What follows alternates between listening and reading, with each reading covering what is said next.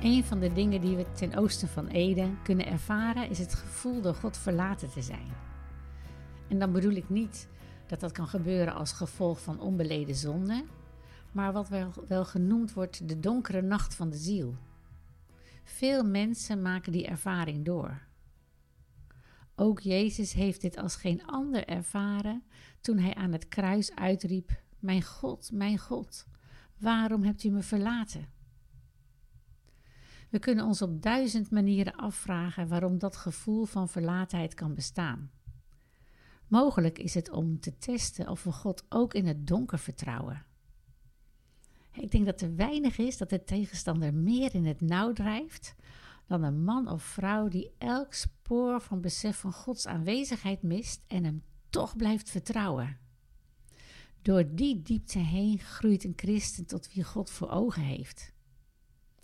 Het verhaal van Job is daarin een groot voorbeeld. Job vraagt aan God: Waarom verbergt u uw gezicht en behandelt u mij als uw vijand? In Job 13, vers 24.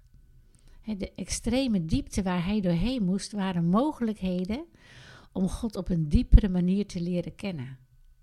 Zo werd hij iemand die uit geloof leefde en niet uit het zien. Het gevoel dat God afwezig is kan veel oorzaken hebben. Het kan simpel zijn dat we te veel opgeslokt worden door ons leven, door sociale media, door bezigheden waar, waardoor we Hem niet opmerken.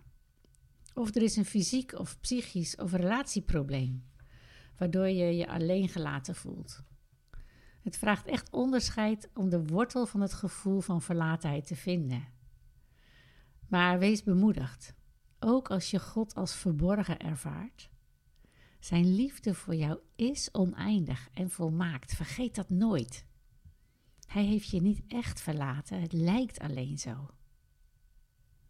Hebreeën 13, vers 5 zegt het zo. God heeft gezegd: Nooit zal ik je afvallen, nooit zal ik je verlaten. Zodat we vol vertrouwen kunnen zeggen: De Heer is mijn helper. Ik heb niets te vrezen. Wat zouden mensen mij kunnen doen?